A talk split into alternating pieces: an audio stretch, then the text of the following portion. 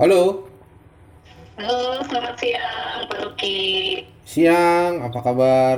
Selamat. Alhamdulillah baik. Sehat Pak Luki? Alhamdulillah, sehat, alhamdulillah. Hmm, masih di kantor atau WFH ini Pak Luki?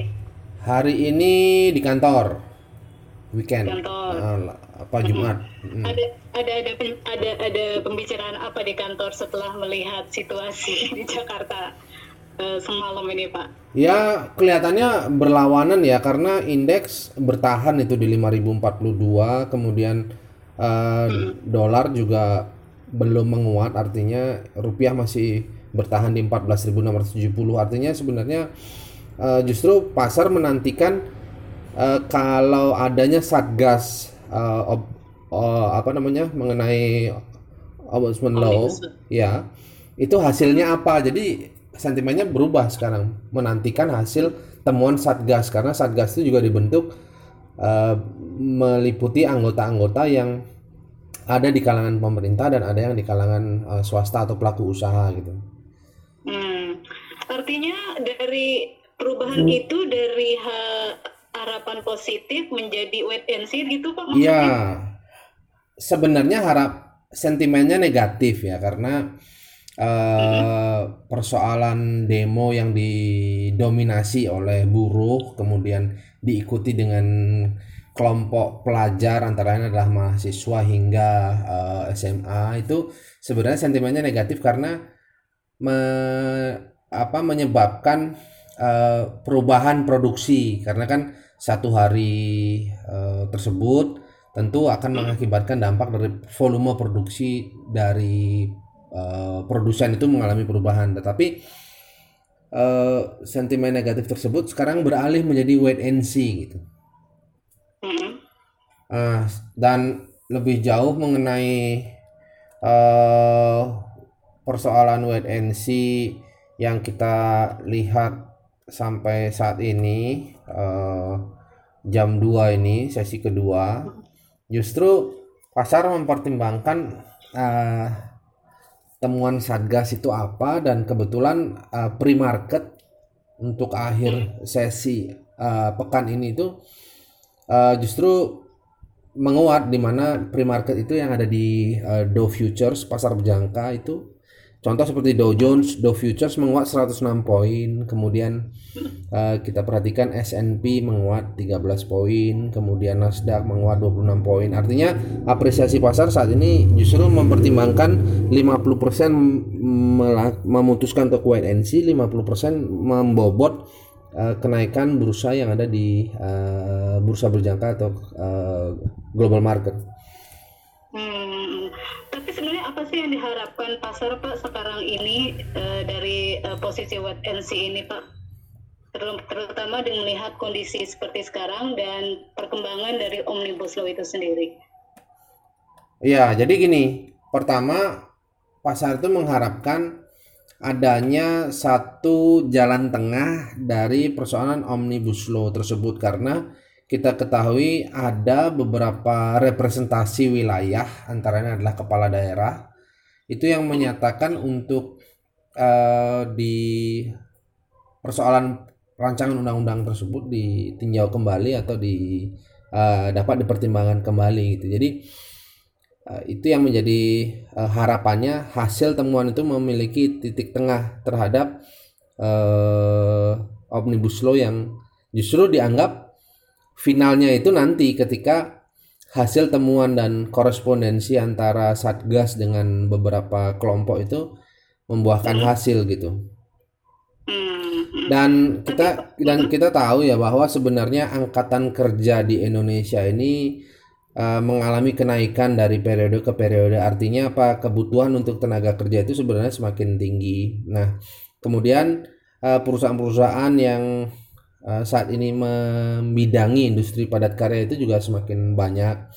Nah, itu sebenarnya menurut pandangan saya eh, Satgas itu diharapkan dapat menemukan satu eh, jalan tengah yang objektif, artinya tidak subjek karena apa? Emiten-emiten atau para perusahaan-perusahaan yang justru melantai di Bursa Efek Indonesia itu sangat berkepentingan terhadap omnibus law gitu karena satu sisi kalau industrinya padat karya ternyata omnibus law ini belum uh, menemui titik tengah uh, potensi demo atau kontraksi terhadap peraturan itu akan menyebabkan turunnya produksi produksi nanti akan menghambat uh, tingkat profitabilitas uh, profitabilitas uh, industri atau emiten ya.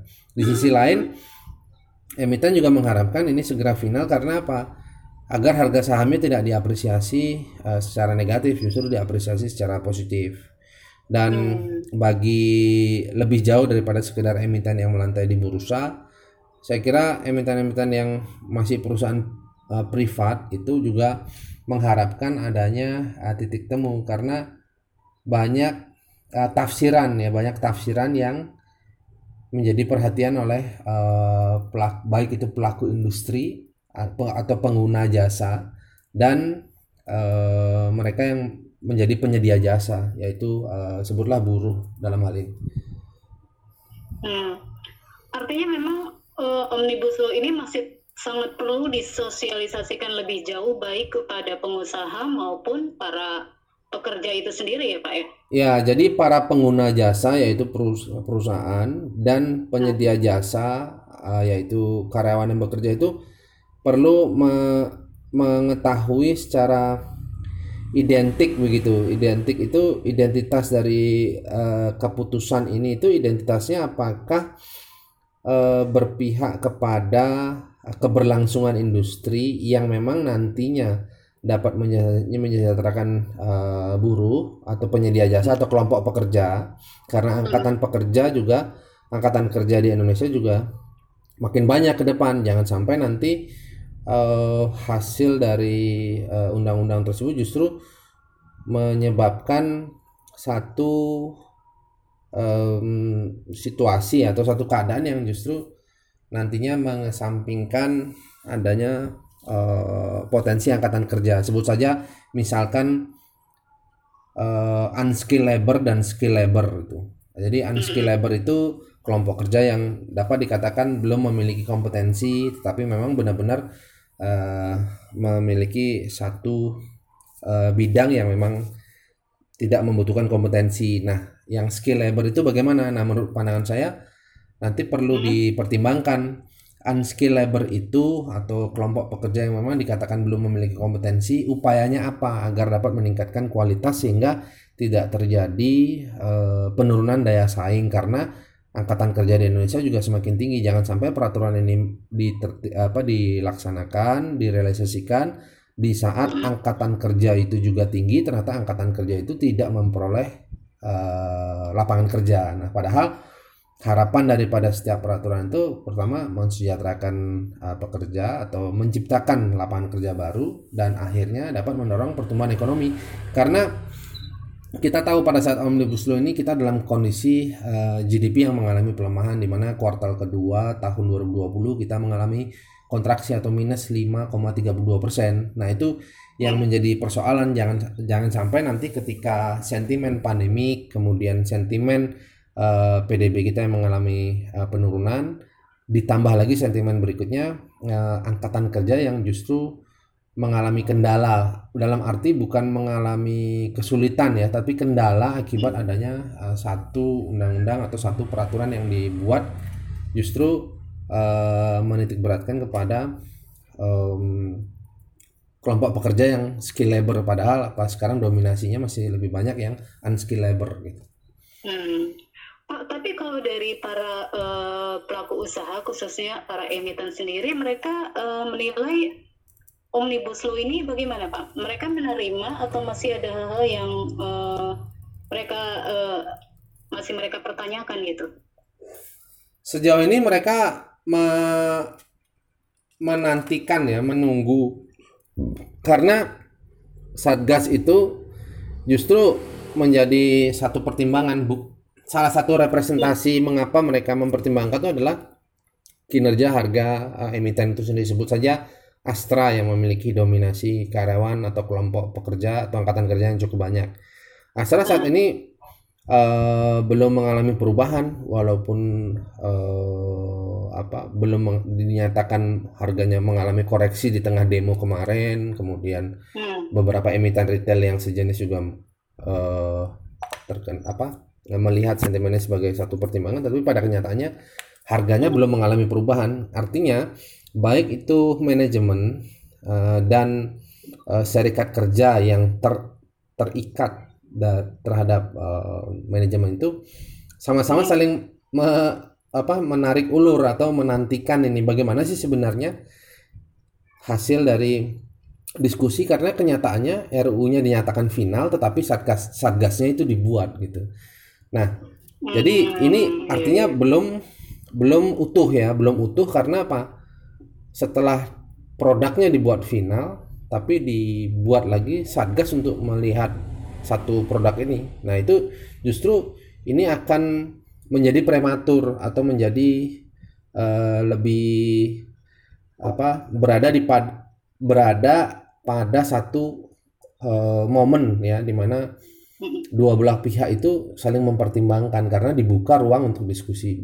Dalam hal ini hmm. sebenarnya baik membuka ruang diskusi dengan membentuk satgas, tetapi uh, persoalan ini saya melihat bahwa uh, sentimen yang paling perlu diperhatikan itu adalah memang penurunan PDB kita, penurunan PDB atau yeah. Iya. uh, angka pertumbuhan ekonomi kita yang sedang mengalami koreksi. Dan lebih jauh uh, kita berhadapan dengan satu momen yaitu momen akhir tahun. Itu yang pertama.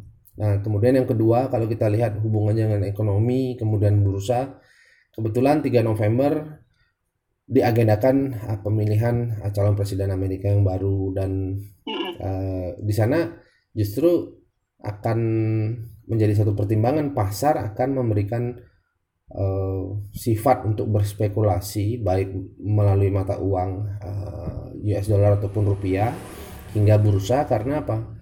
Justru nanti om, omnibus law ini akan menjadi sentimen yang kedua bukan sentimen utama gitu. Jadi hmm. itu posisinya saat ini. Oh gitu.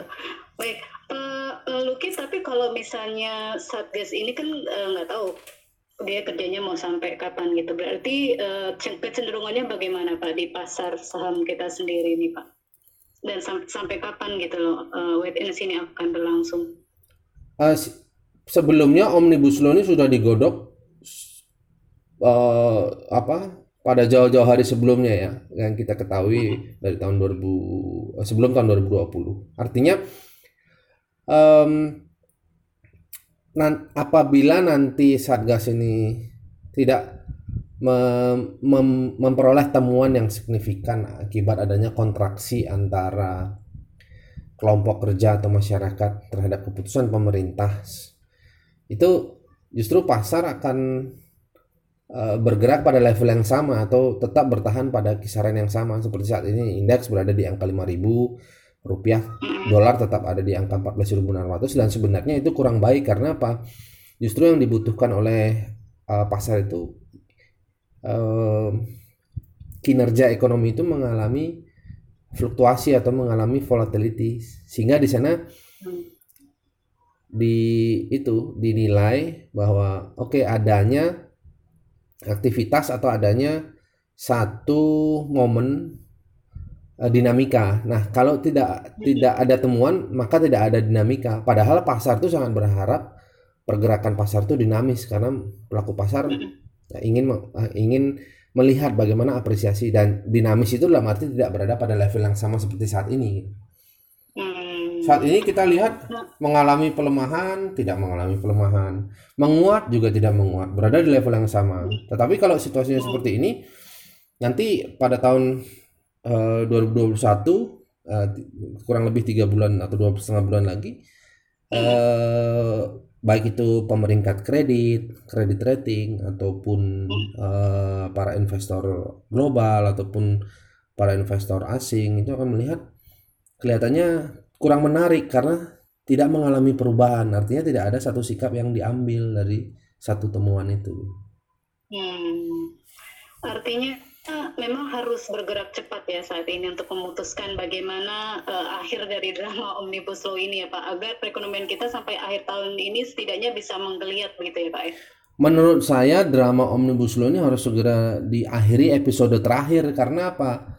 pasar itu menantikan output yang paling utama itu adalah apa? Apakah segala bentuk tindakan yang dilakukan sebutkah dari masyarakat tindakannya melakukan uh, satu kegiatan dengan berbagai macam bentuk.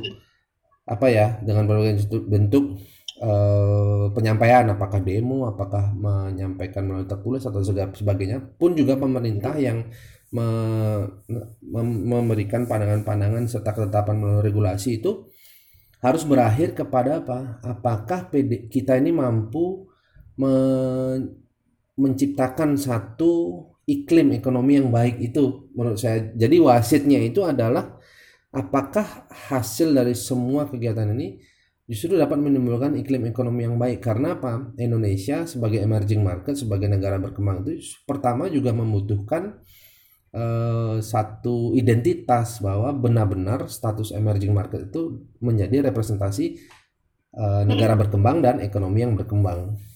Hmm. Tapi kalau Pak Luki lihat, uh, apakah Indonesia uh, memang punya kan, maksudnya punya harapan untuk ke situ gitu loh Pak? memberikan uh, suatu kondisi yang benar-benar memberikan uh, semacam apa ya tetap menarik untuk investasi untuk menjalankan kegiatan ekonomi begitu pak ya itu saya kira menarik ya karena prestasi ekonomi Indonesia itu pernah sampai ke angka 6% artinya kita masih memiliki potensial upside yang rasional ya. Artinya kenapa saya katakan rasional karena pada kenyataannya kita memang pernah menguji level 6% pada uh, periode sebelumnya.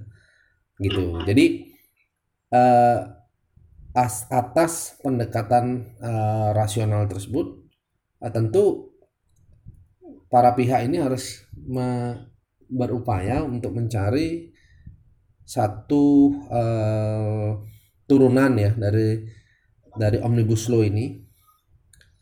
Yang dapat mendorong uh, para pihak ini agar menemukan titik terang gitu. Karena yeah. contoh misalkan uh, tadi yang saya sebutkan uh, unskilled labor dan skill labor. Apakah semuanya perlu dilakukan secara merata misalkan uh, penerimaan tenaga kerja asing. Nah, tentu ini bisa dipilih. Misalkan asing uh, dikelompokkan di tenaga kerja yang atau kelompok kerja atau angkatan kerja yang dapat berpartisipasi pada kelompok skill labor karena memang sesuai dengan kapasitasnya. Ya, untuk unskill labor ya atau sebutlah kelompok kerja yang memiliki kemampuan rata-rata itu dapat diberikan uh, kepada uh, angkatan kerja domestik misalkan atau dalam negeri itu kan contoh uh, satu pandangan menurut saya itu yang dapat menurunkan tensi saat ini. Oke. Tapi secara umum uh, kepercayaan investor bagaimana Pak untuk ke Indonesia sampai saat ini Pak?